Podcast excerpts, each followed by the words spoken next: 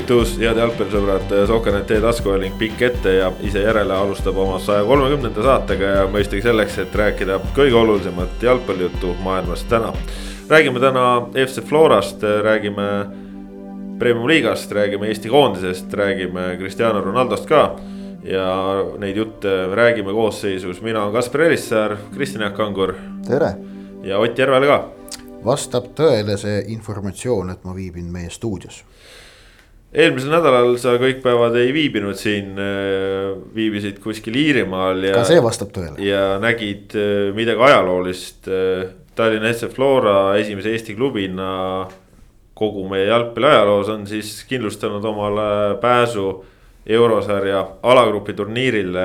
Ott, mis tunnete, emotsioonide mõtetega sa seda matši seal Dublinist Tallas staadionil vaatasid, mis emotsioone sa seal väljaku peal nägid, kui lõpuvile kõlas? ma alustan sellest viimastest, siis kui lõpuvile kõlas.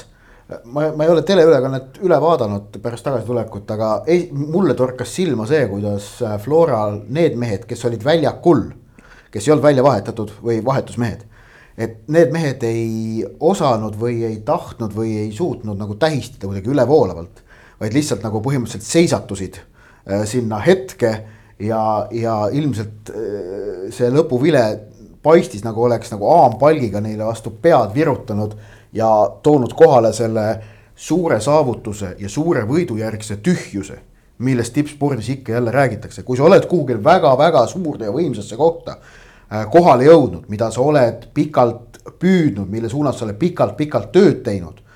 siis äh, see emotsioon, mis nagu valitseb, ongi sageli selline tühjus. Äh, et näiteks noh, vahe sellega, et kui nagu koondis võidaks või võidab või saavutab mingi hea tulemuse mingi tippriigi vastu. siis see ei ole võrreldav, sest et see on nagu üks mäng. ja sel hetkel on nagu see noh on just nimelt see emotsioon on nagu üleval. et noh, näiteks kui Serbiat võideti, siis muidugi läks võõrsil kohe nagu noh, vägevaks tähistamiseks. aga see praegune ei ole ühe mängu pingutus, vaid see pingutus on kestnud kolm aastat. Noh, mitme mehe jaoks selles võistkonnas on see pingutus kestnud kolm aastat, mõned on tulnud sinna hiljem, nende jaoks on natukene vähem see olnud, aga tegelikult on see kolmeaastane pingutus, mis algas äh,, algas ju tegelikult noh no ma ikkagi paneks selle kaks tuhat kaheksateist selle võistkonna alguse, kaks tuhat seitseteist võistkonda on ka veel alles Floras päris noh, arvestataval määral. ja tegelikult ilmselt kaks tuhat seitseteist, kui Arno Paipers selle võistkonna ühe aastaga Florast ühe aastaga meistri tegi. Eks see oli tegelikult ju muljetavaldav hooaeg ja sellega ta nagu noh, lõi sellele praegusele Flora võimsusele aluse sealt pealt edasi hakata ehitama, kaks tuhat kaheksateist kaotati tiitel Nõmme Kaljule, kaks tuhat üheksateist võeti see tagasi koos Konstantin Vassiljeviga ja noh, nüüd pärast seda pole tagasi enam vaadatud. et, et, et, et kui sa niivõrd pika teekonna lõpuks kohale jõuad, siis jah, võib see sageli olla tühjus. sedasama tühjust märkis mulle ka Jürgen Henn järgmisel hommikul. Et kui ma seal selle St Helensi hotelli äh, iluaias noh, istusime pargipingile maha seal, Brit tegi, tegi fotod noh, enne kui diktofoni käima panin, küsin ka Jürgeni käest noh, et noh, et kuidas siis nagu üldiselt on. mis tunne on? ei no, no umbes sellist asja jah, et noh, niisama ajasime juttu ja siis ta nentis ka jah, et, et ikka tühjus nagu on selline, et ei ole nagu midagi sellist erilist, noh. Et, et nagu ühelt poolt ei olnud veel hakanud muretsema Leegioni mängu pärast, seda ta hakkas muretsema lennukis kui nad võtsid Leegioni mängu ette, et noh, muretsemine tuli välja, viis-üks võit on ju. Äh, aga teisalt jah, et, et et, et nagu tähistada jah, noh, ei osanud või ei tahtnud või no, ei saanud. Henn, Henn ise oli, oli see, kes kui lõpuvile kõlas, äh, hüppas põlvili ja, ja lasi ja. looma välja. Lasi korraks looma välja, noh, aga see oli kolm sekundit. siis surus kätt Steven Bradley'l ja siis edasi läks noh, noh tavapärane Henn. edasi oli ta lihtsalt õnnelik, et noh, meil on ka nagu häid kaadreid, mida te kindlasti näete mingil ja. hetkel, kui need saab nagu ühte just videosse kokku pandud koos just, jutuga ja kõigega, et, et sealt, sealt on nagu näha, et, et see noh, eks see on natuke selline eestlaslik ka, aga et noh, see nagu selline siiras rõõm, mingi vabanemistunne, noh, Jürgen Henn on ju väga, väga noor treener. Mm -hmm. sa saad sellega nagu kinnituse, veel, veelkordse kinnituse, et, et. tal on teed... vanemaid mängijaid seal, kui ta ise. no täpselt, eks ole, et me nagu vahel unustame selle ära, aga just see, et, et kui, kui küpse mulje ta ise jätab temaga suheldes äh, ajakirjanikena me oleme saanud temaga viimase aasta jooksul ikka päris palju rääkida. ja minu meelest selle aasta jooksul on ka näha olnud, kuidas ta on muutunud ja just nagu mõnusalt enesekindlamaks, rahulikumaks. ta, ta teab juba, et ta on hea ja samas noh, see ei ole tal kuidagi pähe tõusnud, nagu ta ütles ka selles samas Oti, Oti intervjuus kohe, et, et noh, et lennukis hakkan Leegioni mänguks valmistuma. mõne tunni pärast oli, oli lennujaama sõit lennukisse minek, et juba mõte on mujal ja tegelikult on ju siin on ka kaks poolt sellel alagrupi jõudmisel, et ühelt poolt sa said mingi, mingi väga suure saavutusega hakkama. teiselt poolt see on nagu natukene noh, võib-olla nagu võrreldav Eesti jalgpalluri jõudmisega välisklubisse, et noh, nüüd nagu alles asi algab et nüüd see töö alles algab, et, et selle, selle nimel on vaeva nähtud, et ei ole nii, et nüüd oleme kohal. ja täpselt seda ütles Enn ju ka laupäeva hommikuses intervjuus, kus ta siis kaks hommikut järjest sai Sokanet-Teele kell kümme aru anda. ja, ja seal ta ütles samamoodi, et, et me ei tohi rahuldada sellega, et me nüüd jõudsime kuskile, vaid et äh, me peamegi nüüd tööd edasi tegema, et meie nagu töö lähebki edasi. ja noh, mis puudutab äh, et kui ta rõõmu ei tundnud selle üle või ütleme, et ütleme, tal oli see tühi tunne seal mängujärgsel hommikul.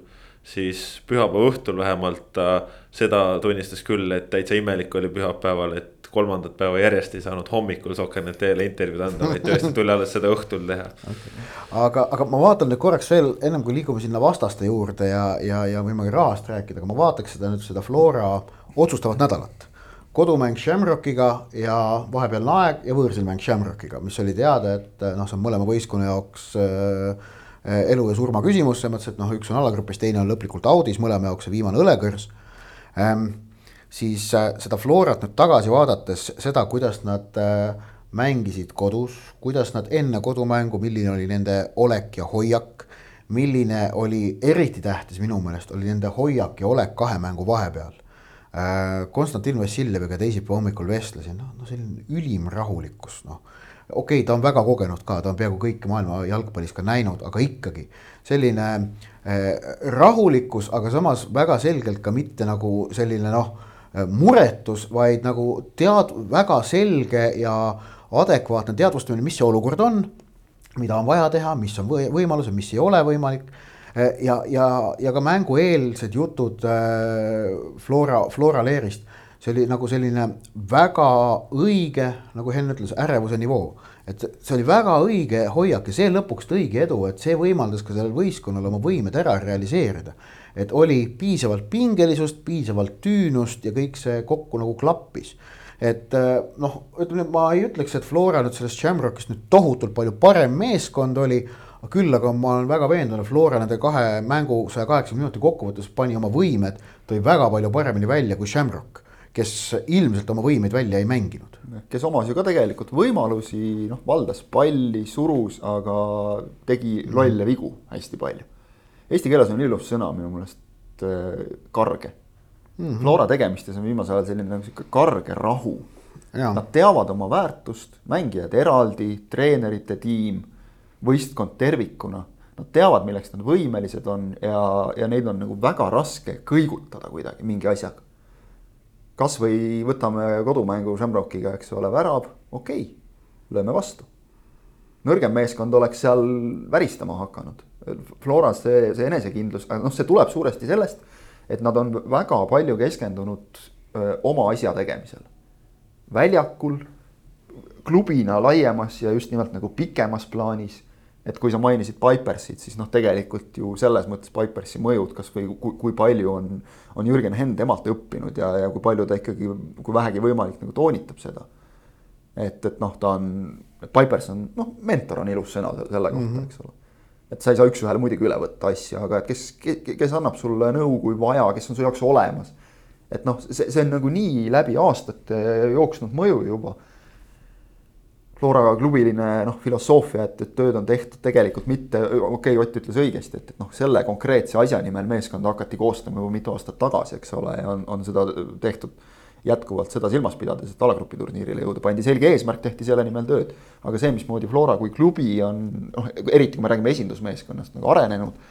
et, et see on ju tegelikult noh, võib isegi öelda aastakümnete pikkune töö juba, kasvõi see, mida on väga paljud vastased rõhutanud, et te mängite oma mängijatega ja, ja, ja see, mida... see oli Iirimaal, seda ei suudetud kohati, nad ei suutnud ka ära uskuda, et. no Henrik Berg samamoodi eelmises ringis äh, pressikal võttis ise selle nagu jutuks, et te teete mm, -hmm. Kuigi... te teete mingeid asju järelikult väga õigesti. kuigi ega Shamrockis nüüd ülemäära palju välismaalasi ei ole. ei ole, aga, aga Iiri Jääger küsis mult, et is this a club policy, ma ütlesin, et vastasin neile, et noh, et põhimõtteliselt küll, aga ei ole selline noh, ei ole selline ränge nagu Bilbao Atleticus on ju, et, et aga põhimõtteliselt küll ja, ja ütlesid, et selle ütlesid, et jaa, et väga huvitav, et mitte öelda muljetavaldav oli. et kui on võimalik tuua Eesti mängija, siis tuuakse Eesti ja. mängija, kui tõesti ja. ei oleks, ütleme ala, näiteks väravavahti ei oleks, küll ja. siis toodaks välismaalt, selles mõttes ei ole küsimus. ja, ja, ja seal siis no tähelepanuväärt ka see, et seda, seda asjaolu muuseas rõhutasid ka siis mängujärgsed Iirimaa ajalehed pärast mängu kirjutasid, see asjaolu, et Flora mängib ainult Eesti mängijatega, toodi välja. no iirlaste jaoks on see kindlasti seal Inglismaa kõrval elades nagu oluline teema, eks no, ole, aga ärme nüüd unustame ka seda, et, et kust on ühel Iirimaa klubil, millisest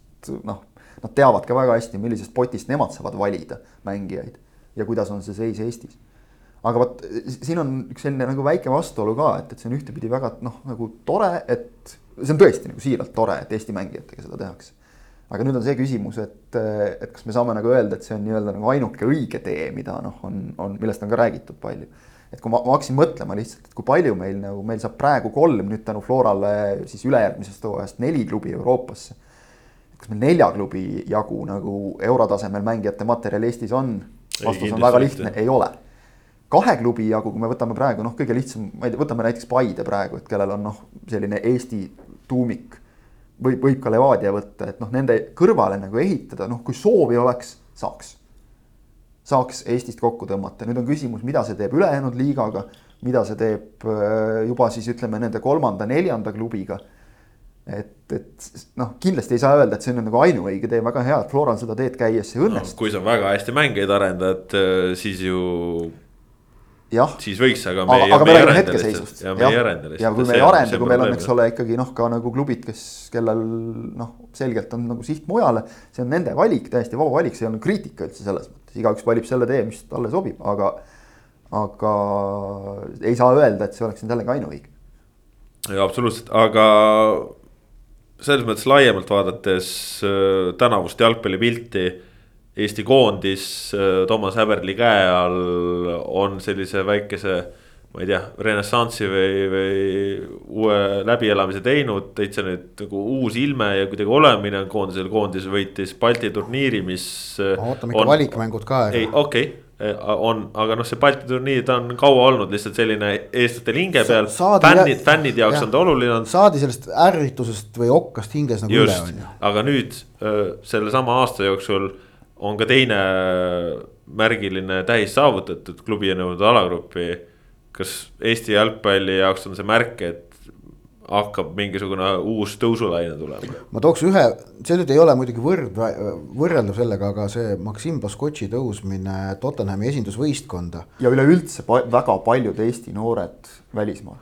no jaa, kas vot seal ma nüüd ütlen, et noh, et äh, noorteakadeemia esindusvõistkond on väga oluline vahe on sees, aga see, et Maksim Baskotši on tõusnud Tottenhami esindusvõistkonda mängija, kes aasta aega tagasi oli Floras vahetuskeskkaitsja, vahetuskaitsja et, et see nagu on ka üks ähm, noh, see, see on, see on väike signaal, aga ta on signaal, mis näitab, et äh, siit on võimalik, et siit, et on võimalik ka siit jõuda kõrgele ja kaugele. Ähm, ja et noh, Eesti jalgpallis, Eesti jalgpallil on olemas vaatamata nendele raskustele, millest me ka siin iganädalaselt räägime, mida igaüks Eesti jalgpallis näeb natukene erinevalt, aga kindlasti näeb ka neid raskusi ja kitsaskohti et siin on olemas piisav pinnas pürgimaks maailma tippu. Äh, mida, mida noh, Tottenham Hotspuri ridadesse esindusvõistkonna plaanidesse kuulumine kahtlemata tähendab kaheksateist-aastase jalgpalluri jaoks. see Baskotši, noh, nimetame seda ikkagi läbilöögiks seda võib ja. nagu selleks nimetada. läbilöögi algne läbilöök, ütleme. jah, ütleme läbilöögi alguseks nagu mm -hmm. loodetavasti veel nagu jõulisem samm tuleb. Äh, see, mida näiteks on Rauno Sappinen teinud noh, euroväljakutel, ärme räägime ainult sellest, et ta koduliigas lööb koondises euroväljakutel. Balti turniiri võit on üks asi, need mängud, mängupilt, kuidas mängiti. see annab, noh, see, see on olnud jällegi lähtunud nagu sellest, et me suudame küll. kui me julgelt läheneme, siis, siis me suudame küll ja seda on nagu mängijate tegemistest ka näha. Floraga täpselt sama asi, me suudame küll, et seda usku on andnud tohutult palju see aasta juurde. ja mis puudutab veel seda, ütleme siis seda eestlastega mängimise, mittemängimise küsimust, jube hea näide on võtta äh, meistrite liigast sel hooajal. Tiraspoli Šerif esimese Moldova klubina meistrite liiga alagrupi turniiril. kaheksa mängu mängisid nad eelringides. Nendes kaheksas mängus käis väljakul täpselt kaks Moldova passiga mängijat üks on Henrique Luvanor, kes on tegelikult brasiillane, okei okay,, ta on aastaid elanud juba, ta on võrreldav, noh, ütleme Zakaria Beglarishviliga, ta on elanud aastaid Moldovas, tal on moldaavlannast naine ja nii edasi. Eduardo da Silva, noh no, horvaat on ka, noh. ärme ärme nagu siia nagu joont tõmbame, üks, tema on põhiründaja. tema on nagu kindel mees ja siis üks vend sai kõige esimeses eelringi mängus üheksakümmend pluss üks ka peale. rohkem Moldova mängijaid nendes kaheksas mängus väljakul ei käinud ja noh, puudub nagu põhjus uskuda, et, et meistrite liiga alagrupi turniiril rohkem seal peale saaks. kui palju on sellest kasu, reaalset kasu Moldova jalgpallil? on nagu omaette küsimus, meil on Eestis väga palju räägitud sellest, et noh, umbes, et toome välismaalased, et siis nende kõrvalt äh, meie mängijad õpivad. noh, ma ei tea, palju nad seal pingil istudes või, või trennis söötu lükates õpivad, midagi kindlasti, aga mängida oleks ju ka vaja. ehk et selles plaanis on kindlasti ülitähtis see, et Eesti mängijaid kasutab Flora selle sammu tegi esimesena. see ei tähenda, et see oleks ainuõige või et nüüd teised peaks kuidagi oma nagu suunad ümber vaatama, see on nende valik, kuidas nad seda teevad. see on hea näide, et ka nii saab. aga saab ka nii jah, täpselt, saab ka nii, aga vot nüüd ongi see küsimus, et, et äh, ta toob, ütleme, feimi kindlasti Eesti jalgpallile kõvasti. või Moldova jalgpallile siis antud juhul, kui selline võistkond sinna, sinna jõuab aga palju ta nagu sisulist kasu toob näiteks Moldova koondisele või Moldova mängijatele. selles osas ma isiklikult jääksin üpris kõhklevale seisukohale.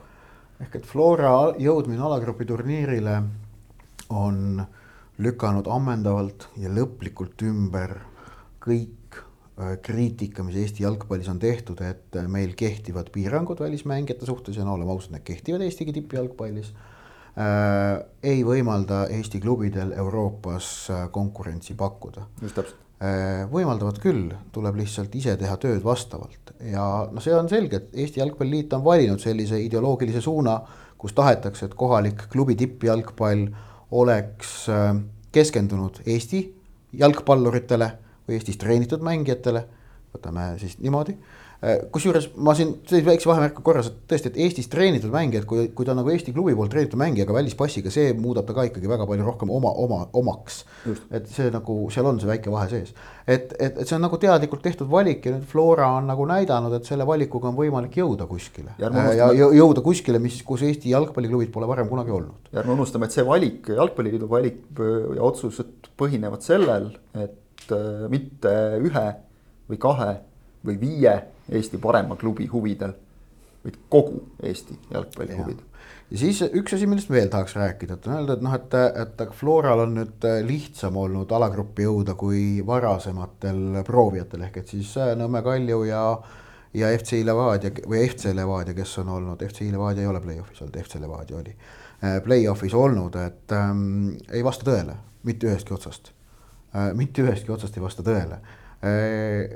vaadake, et spordis on selles mõttes ka see, et, et auhindade hulk tähendab, tähendab auhindade hulk ja konkurentsitihedus on omavahelises sõltuvuses.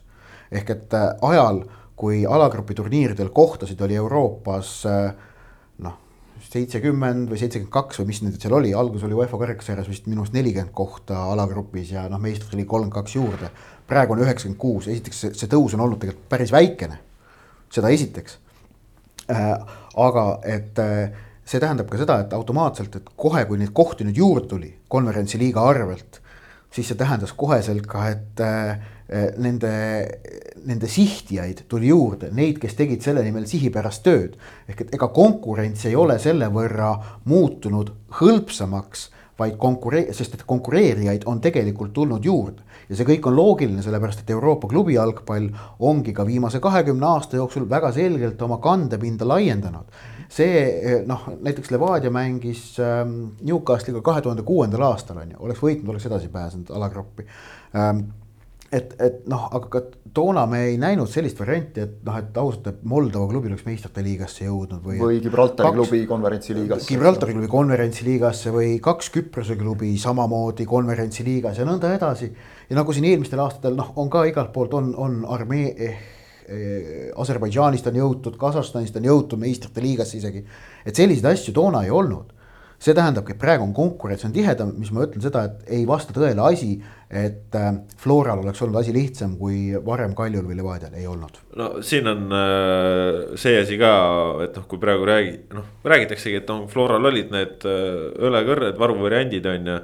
siis noh, kokkuvõttes pidid ikkagi, pidid ikkagi vastaseid alistama ja mis oli ju mõni aeg tagasi Eesti meister ju alustas üks vahe meistrite liigas teises eelringist.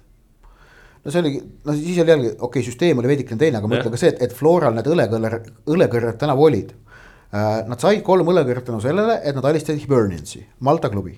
Äh, ja, ja miks nad said Malta klubi endale vastu, tänu sellele Flora oli asetatud miks nad olid asetatud, tänu sellele, et nad olid eelmise kolme-nelja, eelmise viie hooaja jooksul Euroopas võitnud piisavalt palju või viigistanud, teeninud tulemusi, et saada oma koefitsient niivõrd kõrgele, et nad oleksid asetatud. nüüd on juba noh, on täiesti kindel, et no, no, juhtugu Floraga nüüd alagrupis mis tahes või äh, kas nad tulevad meistriks või mitte, et nad järgmisel hooajal eurosarjas esimeses ringis on ka kindlasti asetatud, see on no, teada, võivad olla isegi teises eelringis asetatud. ja, ja mis nende tulemuste puhul ju noh, selles mõttes väga palju kasuks tuli, tuli loosimisel, nad olid kolmandas tugevusgrupis. ehk siis Flora ei olnud neljandas potis mm, -hmm. vaid oma tulemustega juba esimesel hooajal, kui nad mängivad eurosarjas alagrupis, on kohe loosimise kolmandas potis ja noh, see näitab no, ka, et sa, sa pead olema. okei okay,, seal jällegi tuleb rääkida, et see on konverentsi liiga eripära natukene ka. et noh, kuna, ei, tõsi on muidugi see, et, et see meistrite ring või riikide ring, kes alagrupi turniirile tagatult pääsevad, on tänavu ju laiem. kolmkümmend viis meistrit on taganud koha alagrupi turniiril, see oli juba enne turniiri algust teada, kolmkümmend viis meistrit saavad. kolmkümmend neli ei olnud või? minu arust oli kolmkümmend viis. Äh, noh, võime, võime seda üle vaadata, aga et, et see nagu see tähendab, et jah, et seal nagu on variant seda asetust saada, kolmandat potti saada natukene kõrgem. Äh, aga nüüd jällegi, et kas see siis oli nüüd mitte midagi või ei olnud, kahtlemata mitte. Äh, riigid, mis ei ole esindatud tänavu UEFA klubisarjade alagrupi turniiridel, ei ole Lätit, ei ole Leedut, ei ole Valgevenet. rõhutame, Valgevenet ei ole. Ehm, Kaukaasiast vist oli ikkagi ainult Aserbaidžaan või said armeenlased ka edasi armeenlased on ka armeenlastel ja. see Baranovi endine klubi Alasker no, esimest, ka okay. esimest korda ajaloos. jah, Gruusiat ei ole, on ju, et noh, riike, mida seal ikka ei ole, need on täiesti nagu arvestatavad jalgpalliriigid ja neid, neid ei ole, Eesti on no.. ei no üleüldse võtame kokku selle, et noh, väga nukker oli lugeda, aga, aga mõne Eesti kunagise tõesti auga nagu legendi nimetuse välja teeninud mehe kokkuvõtet, et noh, mingi mudaliiga, et, et. aga see Roman Ubakivi jutt, see oli, no see on bullshit seda on kurb kuulata, et noh, nad no, ütlen, ütleme otse jah, natukene, aga, aga see, see võttis nagu hästi kokku, et ma ei saa üldse aru, et miks, miks nagu peab umbes varasemaga võrdlema, et oleme lihtsalt õnnelikud, et Flora jõudis sinna, ongi kogu muusika, elame neile kaasa seal.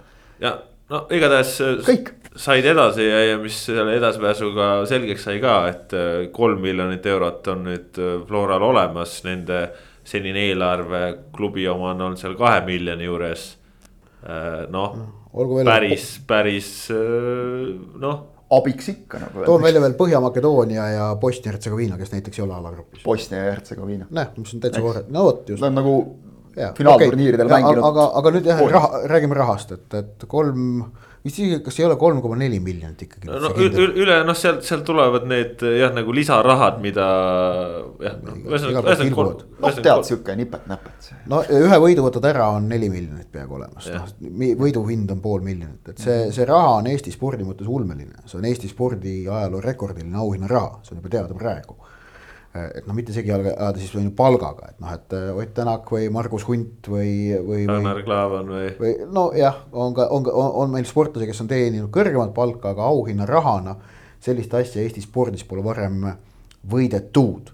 noh, teoorias mängus oli suurem summa kahe tuhande üheteistkümnenda aasta EM-i play-off'is, sest EM-finaalturniiril jõudmine oleks toonud siis jalgpalliliidule noh, kas seda on auhinnarahaks nüüd õige öelda, aga noh, ta oleks toonud ikkagi sinna kümne miljoni kanti midagi sellist, kaheksa, midagi sellist on ju aga aga jah, et see on nüüd, see on nüüd suur, suur raha ma mõtlesin enda peas välja selle, et noh, et ja, ja kohe siin on ka, on ka siin noh, rivaalid andnud mõista, et noh, see nüüd äh, võimaldab. see rikub kõik ära. see rikub kõik ära, võimaldab Floral võimutsema hakata, mina olen enda peas mõelnud seda, et kui Flora jääb oma praegusele filosoofiale truuks no,. ehk et kasutab ainult Eesti jalgpalli. Pelle Paalak on öelnud, et jäävad. jah et äh, siis ma arvan, ei riku ta midagi ära.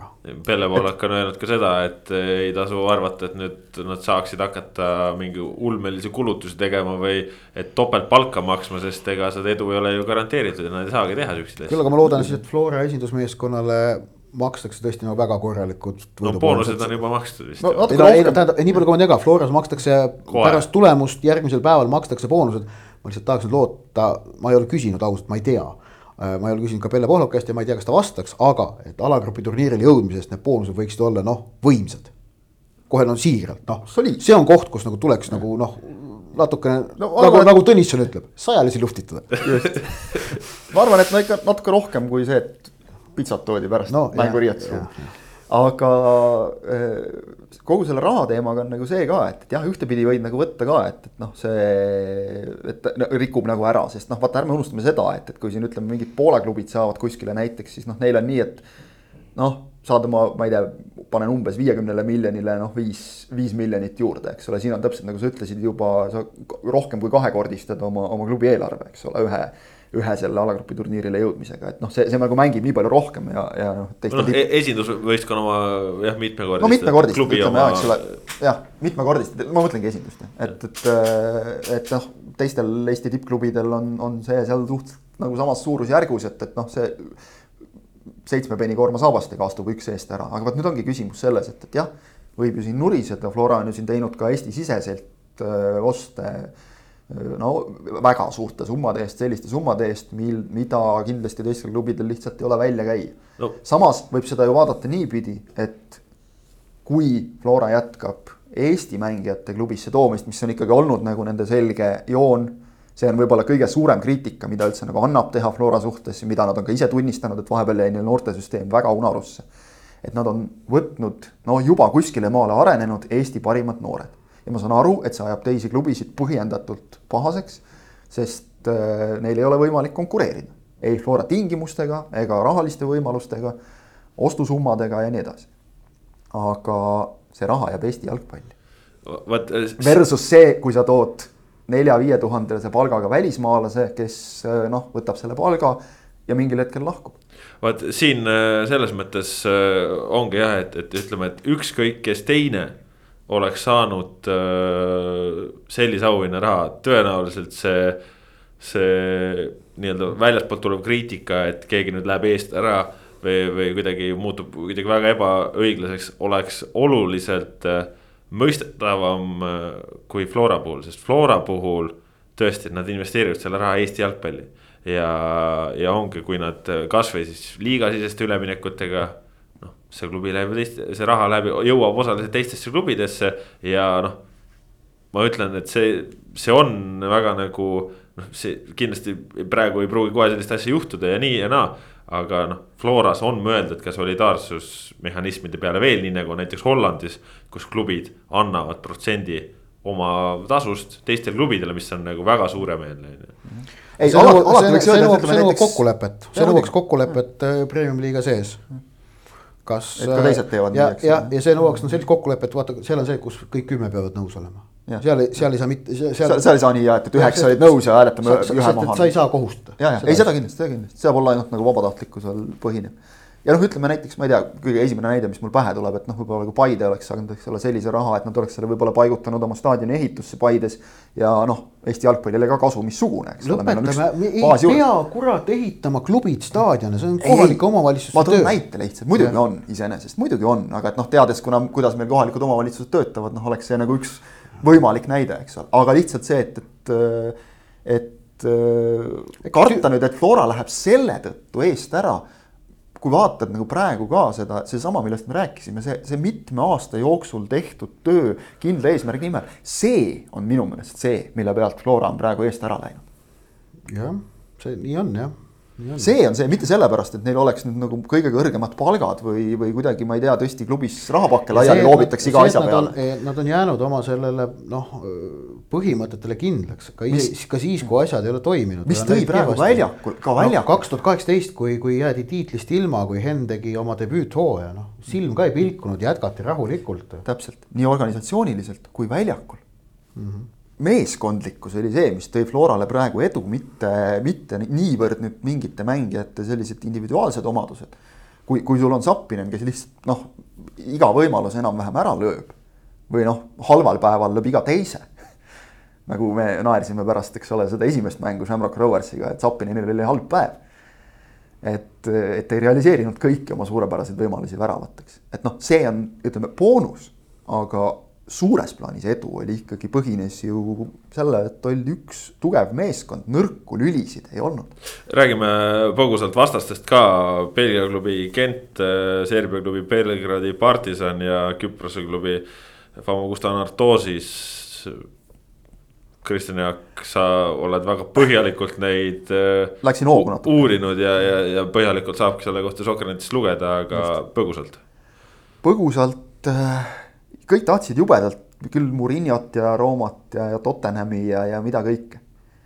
mida rohkem seda gruppi vaatad, seda rohkem vaatad, et annab mängida küll ju.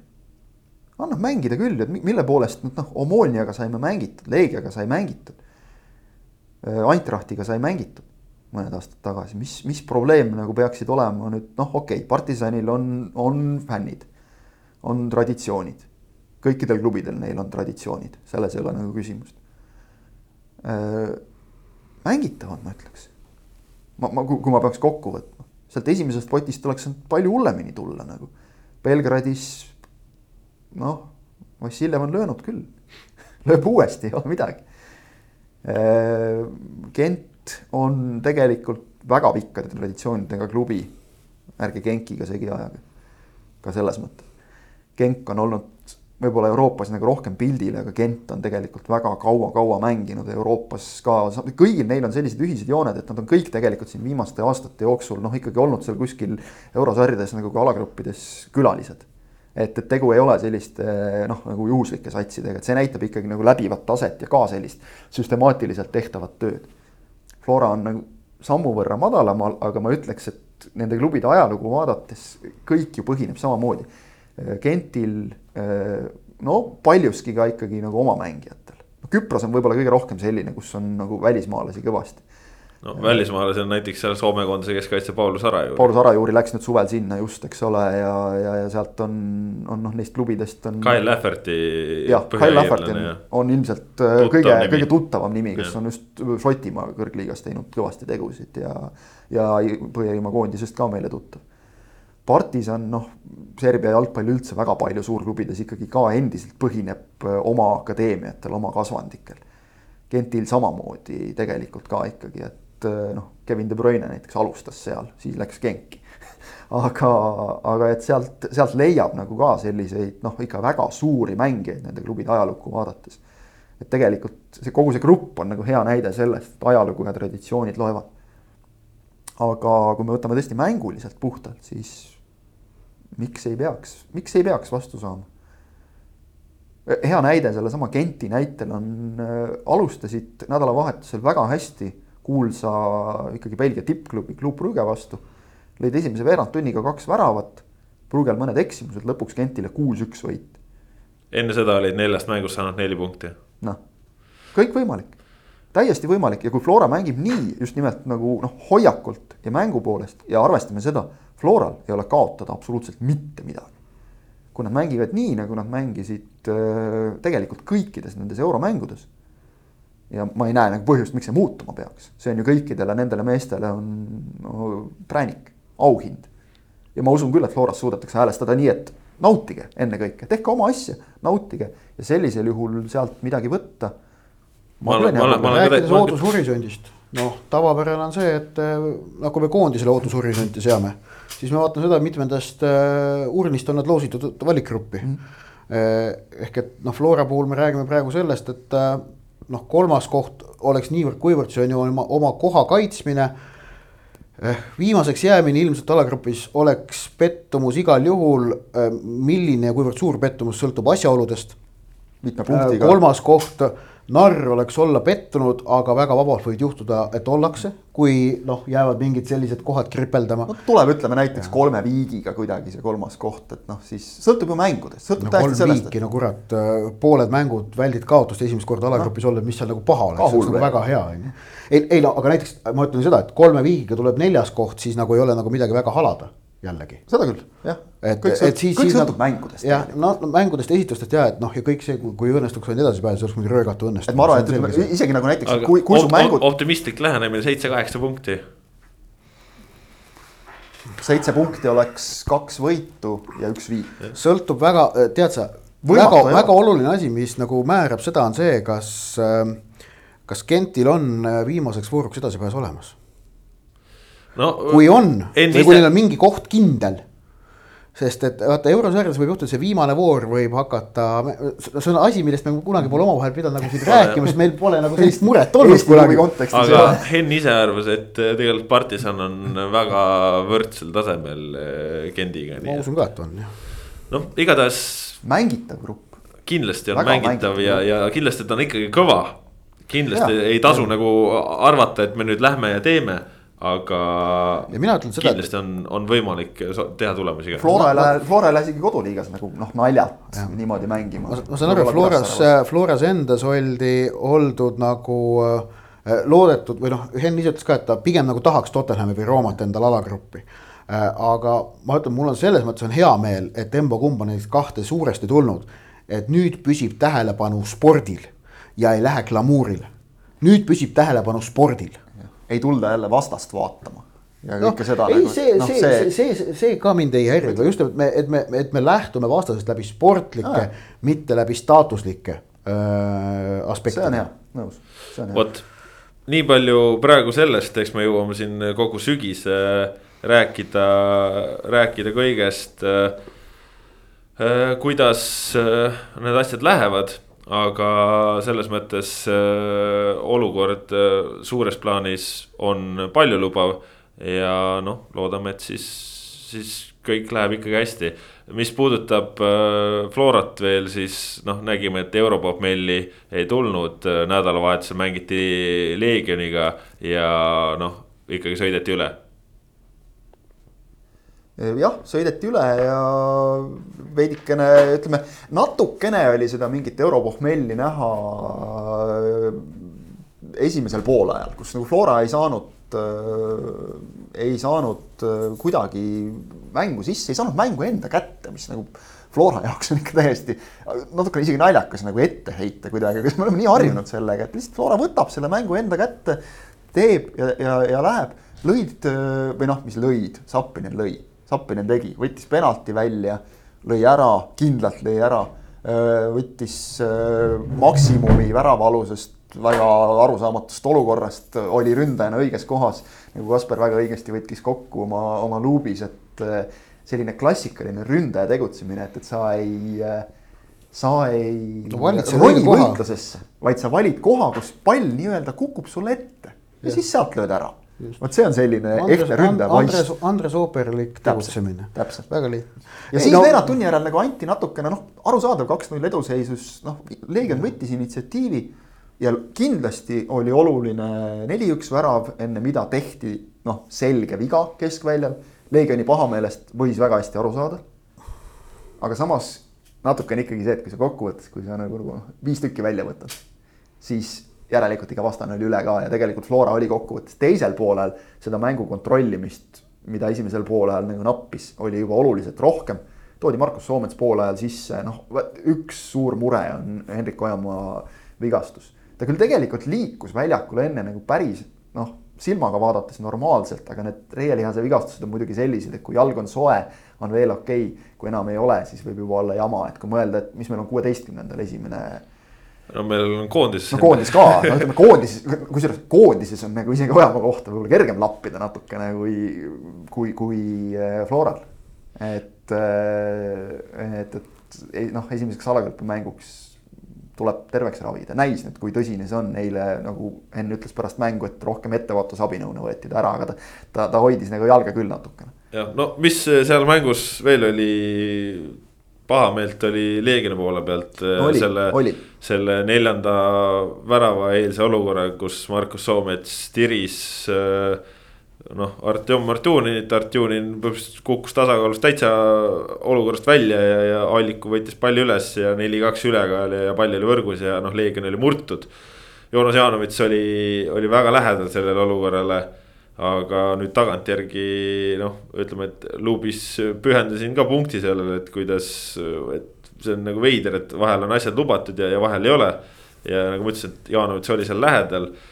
pärast mängu suhtlesin Äh, selgus, et oli natuke liiga lähedal, ehk siis äh, lihtsalt äh, jäi märkamata. Ja, ja noh, ütles tegelikult tagantjärgi, et jah, see, see oli viga. vot see on see olukord, kus tegelikult Artjunini vaidlemise eest saadud kollane kaart, noh, oleks nagu aus, kui oleks võimalus see tühistada seda reeglites ei ole, kollaseid ei tühistata tagantjärgi, ainult punaseid, aga noh, tegelikult oleks aus mängija suhtes, et kui juhtub kõigil, kohtunik ütleb ka ise, et jah, eksisin no,. siis vaat sellised vaidlemise eest antud kaardid. aga mind, mind see rahustas nagu selles mõttes rahustas maha, et, et see oli inimlik eksimus. Mitte ei olnud see, et, et meil ongi nagu noh, nii erinev, noh, meil ongi väga erinev see veatase aga, aga just see, et, et kui nagu selline asi ka ei ole viga, et mis siis veel on. see oleks nagu olnud kohtuniku vale arusaam mängust, eks ole, et, et noh, see, et sa nagu ei näe või, või loed kuidagi olukorda valesti, seda ikka juhtub. aga et, et noh, kui ta oleks nagu teadlik otsus olnud, siis ja. ta oleks olnud halvem jah, kindlasti. just, et äh, see, see nagu natukene tõmbas sealt furoori maha, nii et. See oleks nagu natuke see, et noh, a la juba lähedal sellele, et kohtunikud ei tea reegleid.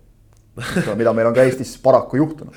On juhtunud küll jah, aga noh, igatahes Flora näitas võimu ja tõesti Sapinen hoiab europohmeelid ära, kas ka muud, eks seda ei tea. ei, seda elu näitab jah, aga noh, ja Zenjov ka, ärme Zenjovi unustame.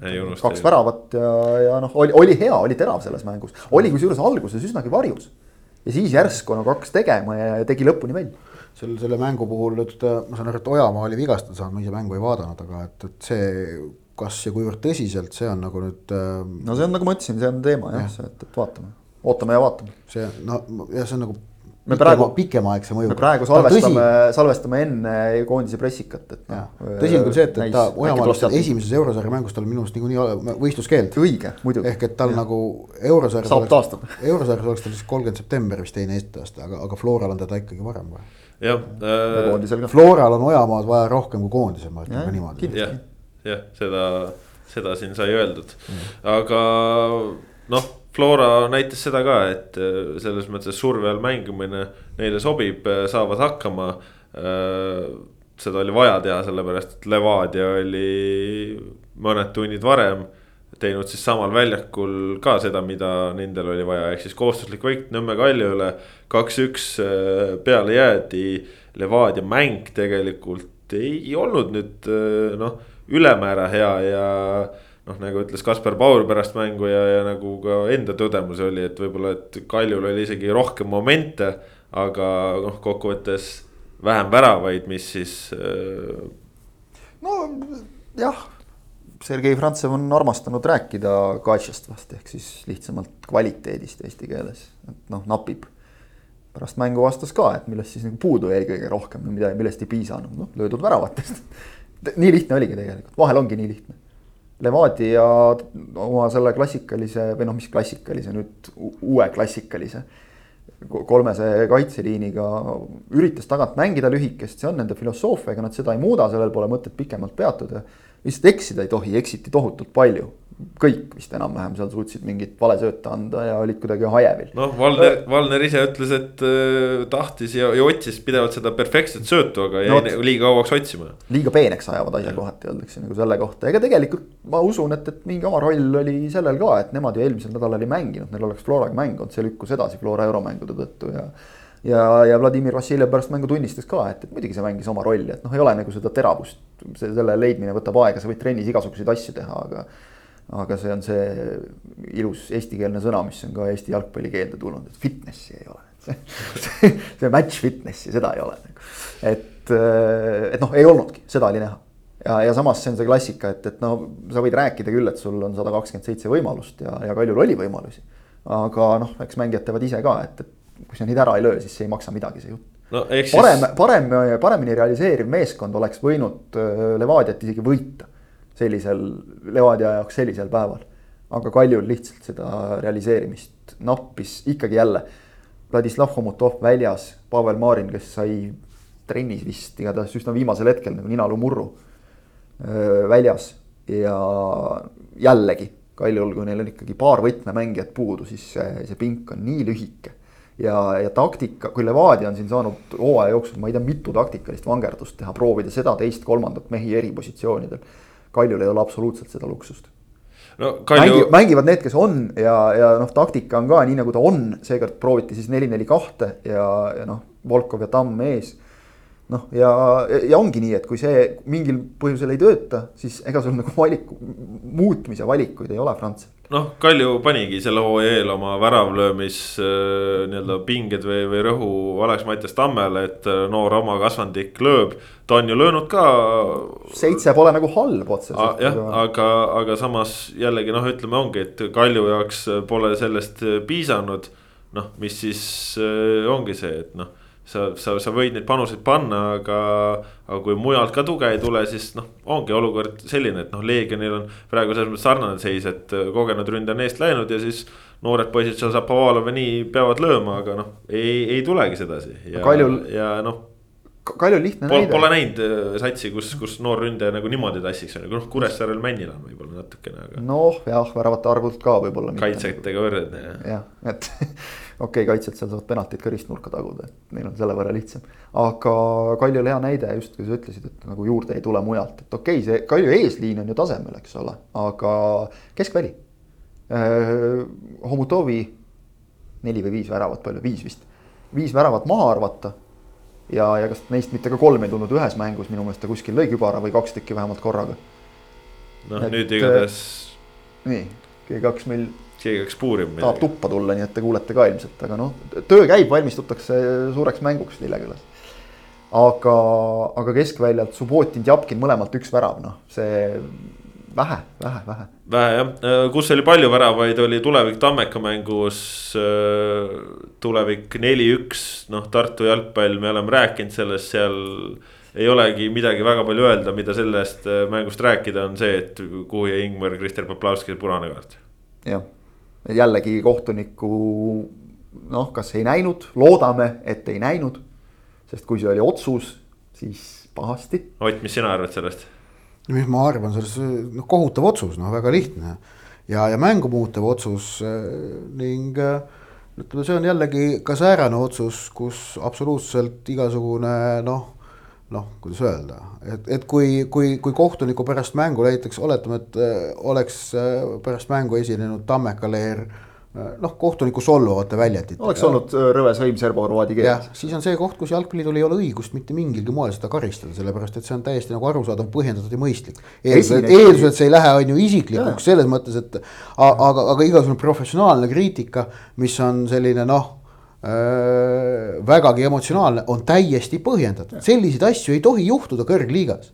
ei ja, tohi juhtuda, sul null, null seisul, sul peaks vastase väravaht saama punase kaardi, seda ei anta. ja see ei ole mingi selline nagu noh, varjatud viga, vaid see noh, see käega mäng, pagan, no seda, see, see, seda ei ole keeruline näha. see oli ilmselge ja kui peakohtunik kuidagi ei näinud, abikohtunik oleks kindlasti pidanud nägema, et, et noh no,. kokkuvõttes neli kohtunikku on mängul, keegi võiks ju näha. keegi ju võiks näha jah, ja ütleme, Tammeka lahendas selle Kaido Koppeli isikus ülimalt elegantselt, ehk ta ei öelnud mitte ainsamatki sõna mida võiks kuidagi tõlgendada tema vastu, aga ta andis väga selgelt mõista, mida ta sellistest otsustest arvab no,. tõi, tõi näiteks ühe varasema olukorra ja ütles, et ei midagi uut. oleme harjunud, aga noh nojah, ja sa, ja sa võid seal ju hakata siin Aus. tõlgendama ja nii edasi, et. et kui mängija on libistamas ja kukkumas ja ta toetab vastu maad ja nii ja naa, aga, aga, see.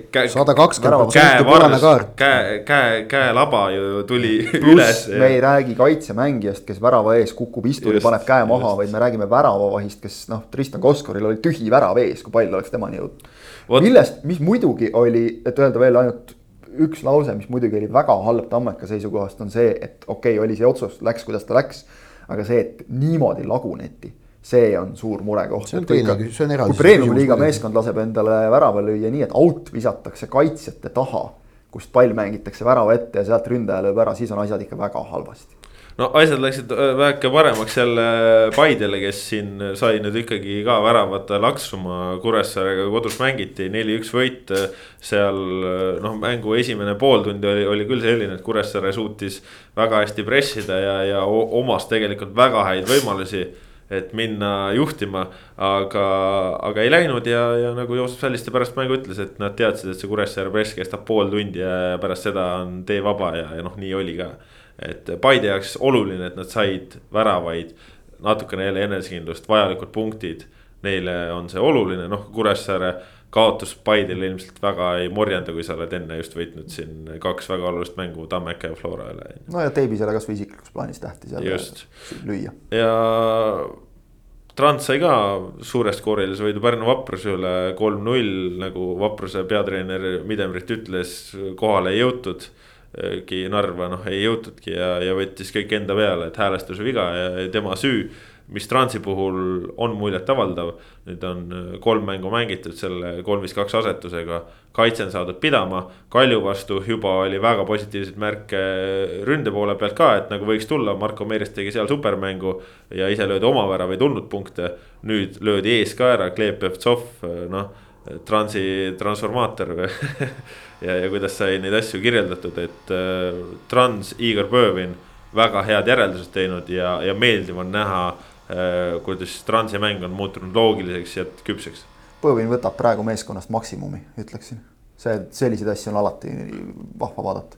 no seal on huvitav nüüd näha, et meid liigat ootab ju teatavasti poolitamine äh, pärast kolmandat äh, ringi yeah et äh, kes ikkagi on kuues, kes seitsmes, et seal noh no, Transi ja tuleviku vahel läheb ju madinaks. omavaheline mäng on tulekul, väga põnev mäng. selles see, mõttes äh, oleks.... no Leegion peaks kindlalt ülevalpool olema ja ma ei usu, et Vaprus, Tammeka või Kure jõuab äh, Transile järele. no, no, no ainsana trans... saaks Kure või,. võib-olla parafraseeriks Aleksandr Sakarljukat äh,, Transi poolkaitsjat, kes äh, tolles mängus andis ühe väravasöödu. pärast mängu meil kolleeg Heiti Eli küsis ka ta käest, mida arvad poolitamisest.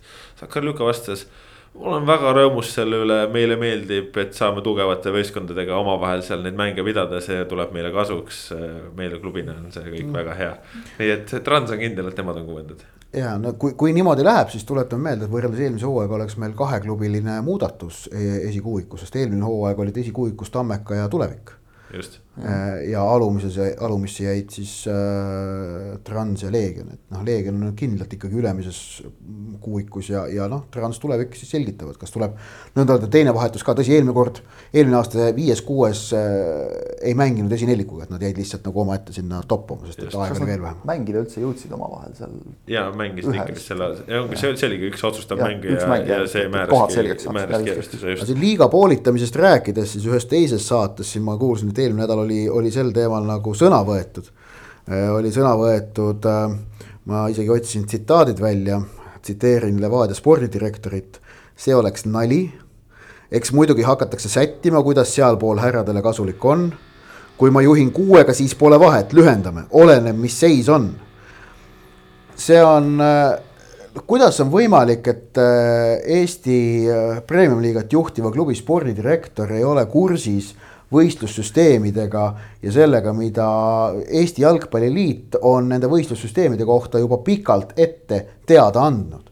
see on, see on, see on ebaprofessionaalsus. ju ta kursis ikka on, lihtsalt vahel on vaja arvata. Ei no aga võib-olla, võib-olla Pareiko ei andnud edasi või, või siis teised klubi inimesed, kes. ei, ei, ei no, noh, me võime siin no, no tegelikult noh, ega seal kõik saavad aru, et ei olnud mingit Pareiko kingi vahel mingit ameti üleandmist seal muidugi ei olnud Äh, aga, aga mind häirib ka kingi väljaütlemine, eks muidugi hakatakse sättima, kuidas sealpool härradele kasulik on. vot see on halb. see on, vot see on asi, mis on tegelikult ka Eesti jalgpalli maine kahjustamine. just, see, see on tõesti halb, sest et see, see on lihtsalt selline mingisuguse nii-öelda noh. üks mu lemmikmetafoor, viskan kirve õhku ja siis jooksen nurga taha ja jään vaatama, et kuhu kukub. ei ole hea see on natukene see, et, et noh, miks ei lükatud ühe mängu eel väljakut puhtaks, kui tegelikult väljaku korrashoiu eest vastutab korraldav klubi. ehk siis ise mm. -hmm. et noh, siuksed asjad nagu. Kas on vaja neid õhku loopida, ma ei tea. No, otse see..., otse rääkimine, otse ütlemine on väga äge asi, aga siis peab nagu olema ka nagu kursis asjadega. kursis ja täpne nagu. no Aivar Pohlak ütles seda mulle intervjuus, kui ma ei eksi, aprillis ja kui maikuus tuli see siis noh, viimane korrektsioon kalendrisse, siis seal oli väga konkreetselt ju kirja pandud, et, et äh, see võib veel minna ümbertegemisele. sõltuvalt. ei no algusest peale on see variant olnud õhus, sellest on räägitud. ja, ja tuletame siis meelde ka, mis on, mis on seis, et, et äh, ei ole siin midagi, et hakatakse jooksvalt äh, käigu pealt ümber tegema Äh, asju sellepärast, et poleks olnud, poleks arvestatud sellega, et Eesti klubi võib alagrupi turniirile jõuda, ei ole seda. ümber äh, Eesti jalgpalli kalender tippjalgpallis on koostatud arvestusega, et äh, kõik mängud saavad peetud, kui Eesti klubi jõuab alagrupi turniirile küll aga ei ole seda kalendrit arvestatud, kalendrit koostades võetud arvesse seda, et mänge tuleb ära jätta ja edasi lükata seoses koroona isolatsioonidega, mis kevadel said osaks mitmetele klubidele, väga palju, sealhulgas ka FC Florale no,. miks, sest Flora andis väga palju mängijaid Eesti koondistesse. no Flora oligi, Flora alustas kuu aega hiljem eh, liigat ja. kui, kui Levadia on ju, et äh, aga selles mõttes jah, ega, ega see graafik ju nüüd tulebki lihtsalt teistsugune, sellepärast et äh, hooaja algusest on nii palju edasi lükatud mänge. koroona on, on see põhjus, et kui seda ei oleks, siis oleks mängitud see kolmkümmend kuus vooru lihtsalt natukene teistmoodi ringi, sest probleem oligi see. et need mängud, mis Floral olid edasi lükatud, ta on pidanud praegu äh, noh, osadest konkurentidest neli mängu vähem, osadest kolm on ju. mõnest viis isegi vist ei, ei, ei, enne eilset oli viis. kolm ja neli, et äh, need mängud olid lihtsalt äh, edasi lükatud aegadele, kus nüüd Flora peab mängima alagruppi. ja see tähendab, et nad ei saa seal olla, mis tähendab, et nad tulid äh, tõsta mujale. ja, ja noh, selles mõttes, et Flora jääb nüüd nagu liigat edasi mängima, et kui siin oli see olukord, et eelringide vahel olid ütleme, et kui oli järgmisesse astmesse minek, et siis vahepeal mängiti, aga siis kahe mängu vahel oli nii-öelda premium-liiga mänguvaba. siis enam nüüd seda ei ole selles mõttes, et Flora mängib, kui mängib neljapäeval, mängib äh, konverentsiliigat, siis pühapäev on liigamäng ja, ja nii ongi. et lihtsalt need edasi lükatud äh, kohtumised, nendel oli vaja leida uus aeg ja, ja neid aegu ei olnud kolmekümne kuue voorulises kalendris, et see kalender on nüüd ja. sisuliselt valmis ja, ja lähipäevadel jõuab ilmselt ka ülesse. valmis on ta sellepärast, et selleks oldi valmis. just nagu,, et noh, see pani lihtsalt no,. kohendada, eks ole, natuke, ja just aga, aga et see on nagu algusest peale kogu aeg nagu minu meelest kõigile teada vähemalt nagu.... ei noh, seda räägiti meile seal dialoogkohtumisel, seda mm. räägiti klubidele, nende dialoogkohtumistel, et noh. no ja lõppude lõpuks meil on eelmise aasta näide olemas, et, et noh, me ju teame, et ega see koroona olukord ei ole nii palju paremaks läinud, et sa peadki olema praegu valmis ootamatusteks lihtsalt, nii ongi noh, kõik, et meil on liigad lõpuni mängitud, siin on olnud äh, liigasid, kus lihtsalt tõmmati joon alla ja kõik Eesti koondis äh, sel nädalal mängib Belgiaga, mängib Põhja-Iirimaaga. mis on selles koondise koosseisus huvitav, kirjutasin sellest väikese kommentaari ka. keskkaitsjaid on tavapärasega võrreldes äh, vähem ja ääremängijaid on tavapärasega võrreldes rohkem kas see tähendab, äh, et me siis no eeldatavasti Belgia vastu mitte, aga äkki Põhja-Iirimaa vastu võime siis näha taga neljast liini, kuidas teil tunne on? ilmselt ikka jah, see on nagu loogiline koht, kus ka proovida katsetada, et on hea, kui koondisel on Arsenalis mitmed erinevad äh, süsteemid ja nüüd on põhimeestega või no ütleme rohkem põhikoosseisu moodi koosseisuga, kui seda oli märtsis võimalik seda neljast liini ka kasutada mängus Põhja-Iirimaaga, see tundub igati mõistlik. sest niikuinii tuleb põhimängijatele mängus Põhja-Iirimaa vastu puhkust anda. aga noh, samas teame, et Häberli ei ole selline treener, kes nagu nüüd. ta ühte-teist välja ei vaheta, aga mul on tunne seitse-kaheksa vast küll isegi jah et noh, eks ta siis sõltub noh, noh kas seitse-kaheksa või kuus-seitse sõltub natuke väravahist, kas vahetada või mitte. ma arvan, et see võib isegi olla viis-kuus. nojah noh, nii ja naa. no sest no, Äber, sõltub... Äberli jaoks on oluline võitmine, see võiduemotsioon ja ta on öelnud, et sa ei saa võita, kui ja. sa vahetad kogu satsi välja. sõltub ka sellest, mis, mis juhtub ikkagi ka Belgia mängus puht nagu, milline selle mängu käik, et kas sealt tuleb nagu, milline see mäng füüsiliseks osutub, kui Belgia lööb esimesega poolega kaks tükki ära ja teine poolega on tuim kulgemine, siis ei ole väga vaja koosseisu vahetada, aga kui on selline viimaste minutiteni rabelemine ja, ja kõvem rapsimine, siis on vaja rohkem koosseisu vahetada, et noh, eks, eks see dikteerib ka noh ma ei tea, võib-olla me ei saa nagu vaata Häberli otsuste ja valikute kohta nagu lõplikku järeldust veel praegu enne seda akent teha, sest et, et kevadine oli noh, selline eksperimenteerimine. ma lähtusin jutust lihtsalt. ja, ja aga ja, ja nüüd, eks ole, ei olnud valikmängud suvel, et see noh, see on selge, ta läks selle Balti turniiri võidu peale välja ja kõik. aga jah, loogiline on see Belgia vastu nii nagu enne ja Põhja-Iirimaa vastu proovinud. kui sa lähed isegi Balti turniiri võidu peale välja, siis ju loogika ütleb, et valikmängudesse peaksid veel enam minema tulemuse peale välja. ei valikmängudes küll, aga just see Põhja-Iirimaa. aga seal, aga seal vahel seal... oli ka Soome mäng vahel. ei saanud isegi Sergei Zinovkid. Sergei Zinovkid on minutitki noh. no null minutit. ma arvan, et selles koondise aknas saab. ma usun ka. kõige lihtsam on öelda, et elu näitab. kas äh, peaks tegema ära siis ikkagi, et noh kuna Flora mängib ka neli, kaks, kolm, ühte, siis ja, ja Häberli oma eelneva treeneri karjääri jooksul on, on ka seda mänginud, siis noh, selles mõttes selle kaudu leiakski rakendust nii, nii Ojamaale kui Zenjovile. kes ütleme ju eelmises tsüklis sellesse teise formatsiooni nüüd ülemäära hästi ei sobitanud, et. et noh, kui, kui on näha, et asjad on töötanud, siis see neli, kaks, kolm, üks võib täitsa reaalne olla, mida, mida näha. kuigi ta tahab ka kahte ründajat kasutada, mis võib Just. minna siis neli, neli, kahe peale. ma võtaks selle kokku tegelikult nii, et me võimegi siin arutlema jääda, et noh, mis ta teeb. järgmises saates saame juba rääkida, mis ta tegi. väga positiivne, kaks mängu on siis juba selja taga nädala pärast. aga võtame selle kokku nii, et on väga positiivne, et me saame rääkida sellistest erivariantidest. kas minna kahe ründajaga kaks nagu hoosründajat, noh, on ikkagi välja panna, on siis Anier, on Sorga, noh, seal saab mängida. Sappinen. Sappinen, noh, Sappinen niikuinii, eks ole, Kirss ka veel. või et sa lähed ühega, et sul on mehi neljasesse liini, et sul on mehi kolmesesse või viiesesse tagaliini, see on ju Eesti koondise puhul noh, pigem luksus isegi, nii et minu meelest on see on kõige positiivsem enne neid mänge. ootame mängud ära ja vaatame siis, ma arvan. mida mängudelt ootame? No tähendab, kui siit nagu, kui siit nagu valikmängudes punkti kätte saaks, oleks nagu ikka hüper mega on ju nii, oleme ausad. Yeah..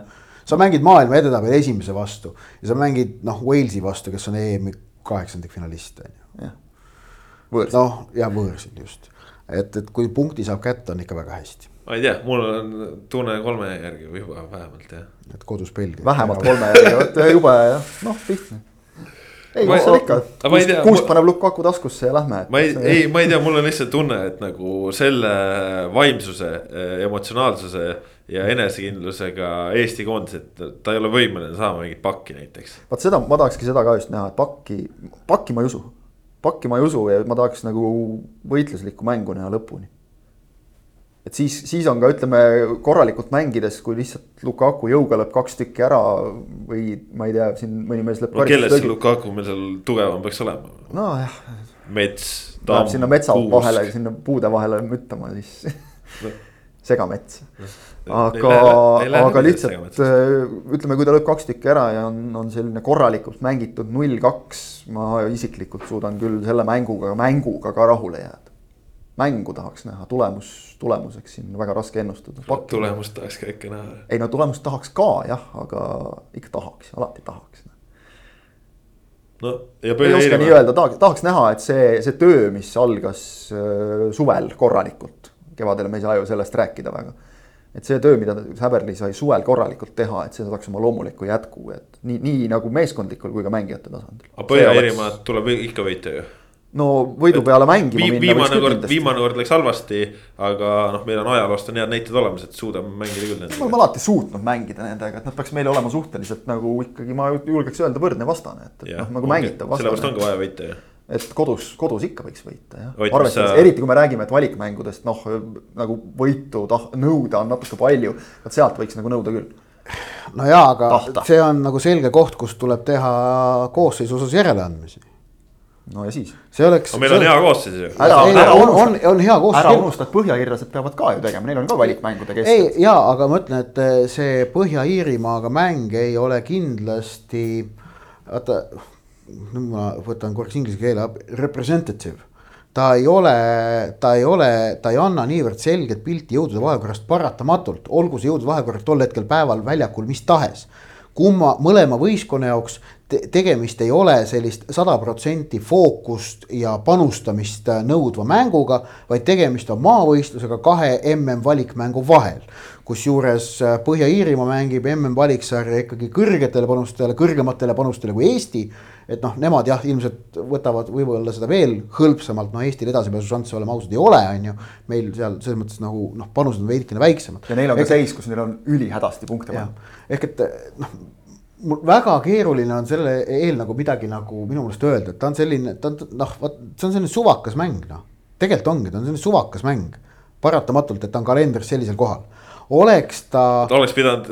ei, ei vaata kevadel, kevadel oli natukene teistsugune asi. kevadel oli see, et oli kolmandaks mänguks äh,, maavõistlus oli kolmandaks mänguks, see oli see viimane mäng Rootsiga. ja siis oli palju selgem aru saada, kuidas ja miks sellele vastu minnakse. aga praegu ei ole, vaata, kui ta siin vahepeal on, siis on keerulisem kui ta oleks viimane, oleks lihtsam sest siis on see, et on, on nagu mingid loogilised kohad, kus sa teed järeleandmisi, kus sa nagu, kus sa nagu proovid midagi muud. esimene oleks ka loog-.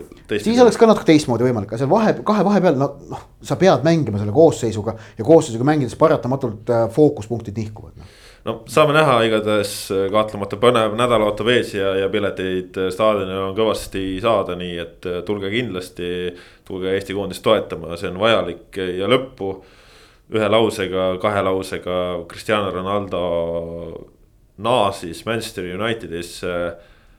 hullumeelne suvi on olnud, maailma parimad jalgpallurid on, on olnud liikvel no mine tea, meil veel täna-homme võib veel juhtuda. võib juhtuda. kas Guillaume Pape läheb Reali või mitte, on ju noh, eks näis. pigem mina oleksin BSG, ma ei lubaks lihtsalt, no seal on, see on BSG-le, see on muutunud nagu uhkuse küsimuseks, ma arvan aga Ronaldost sai siiski rääkides veel. jah, et äh, no see on vägev, äh, see on, see, kas see sportlikult mingit nagu tulemust toob, pole õrnematki aimu mitte kellelgi. Äh, küll aga, on kõva. küll aga välja, välja arvatud see, et see asetab nüüd Sulšieril ikkagi kohustuse noh, olla tiitlikonkurentsis. vära, väravate löömisest. olla tiitlikonkurentsis lõpuni välja, nüüd on Unitedi peatreeneril on see kohustus olemas. küll aga see on täiesti raudselt nagu kommertslik, narratiivne ja imidžlik tohutu edulugu Premier League'ile, Manchester Unitedile. ja no Cristiano Ronaldo ise ilmselt tagantjärele hakkab ka seda otsust armastama, sellepärast et noh, et see, kuidas pühapäevase mängu Wolverhampton Wanderers Manchester Unitedi ajal Molineux staadionil Unitedi fännid üheksakümmend minutit järjest algusest lõpuni laulsid Viva Ronaldot. lihtsalt, mitte midagi muud, ainult seda siis see on muljetavaldav, see nagu näitab ühte. kas see esialgne jutt äh, City'ga oligi ainult selleks, et linnarivaal United kindlasti taha sinna haakida? kui vaadata seda, mida The Athletic kirjutab ja ma noh, usaldan neid, mida nad kirjutavad, siis pigem mitte, et seal oli ikkagi suht lähedal oligi minek, aga, aga siis oli, kuna City's olid mingid kahtlused ja Unitedis äh,. no kui tekkis, linnarivaal ikkagi tahab, siis juba pead. seal ütleme jah, tekkis... aktiveerus huvigrupp eesotsas Rio Ferdinandiga ja, ja ja noh, põhimõtteliselt ma, mulle jäi nagu ikka mulje, et seal ikka öeldi, et kuhu sa loll lähed. jah, ja siis. ja, ja tuletati meelde seda, mis siis... Ronaldole tegelikult väga tähtis, vajutati õigele punktile eh,. sinu pärand. Talle see loeb, talle ja, loeb ja, see väljapoole jääv imidž ja öeldi, et mees, sa rikud selle praegu ära. ja, lõpuks helistas, ja lõpuks, ja lõpuks, tegi telefonikõne Sir Alex Ferguson. Ja vot see on muljetav nagu, et sellised, et sellised asjad endiselt mõjutavad vähe on ikkagi, ma arvan, jalgpallureid, kui Ferguson sulle helistab ja nagu ütleb midagi, et siis sa ei kaalu. ja selle kohta, mis ma jällegi tsiteerin seda The Athletic'u artiklit, millest ma ise ka, mida ma ise ka tsiteerisin, kui ma oma lugu kirjutasin äh, laupäeval, aga et äh, Ferguson olla maailmas üks väheseid inimesi, kellele Ronaldo endiselt kuuletub. ma pakun, et teine on ta, ta ema ja ilmselt, ilmselt ka ta naine. ta on isa, ta on ju isa kuju noh, Ronaldo, Ronaldo ei ole kunagi seda salanud, ta ütleb siiamaani Fergusoni kohates talle boss. jah jah, just. mida teevad muidugi väga paljud endised Unitedi mängijad, aga väga lihtsalt ühe lausega kokkuvõttes, nagu sa tahtsid. tere tulemast tagasi koju sina särad, sära edasi, selline oli pikk ette ja ise järele saja kolmekümnes saade, selle tõid teieni Kaspar Elisser, Kristjan Kangur, Ott Järvel, aitäh, et kuulasite meid, kuulake jälle uuel nädalal, siis oleme juba täiesti koondise juttude lainel. aga mine tea, siin kõike võib juhtuda, üleminekuaken on veel lahti ja, ja jalgpall on ikkagi fantastiline. Aitäh, et olite, olge terved, käige vaktsineerimas, adjöö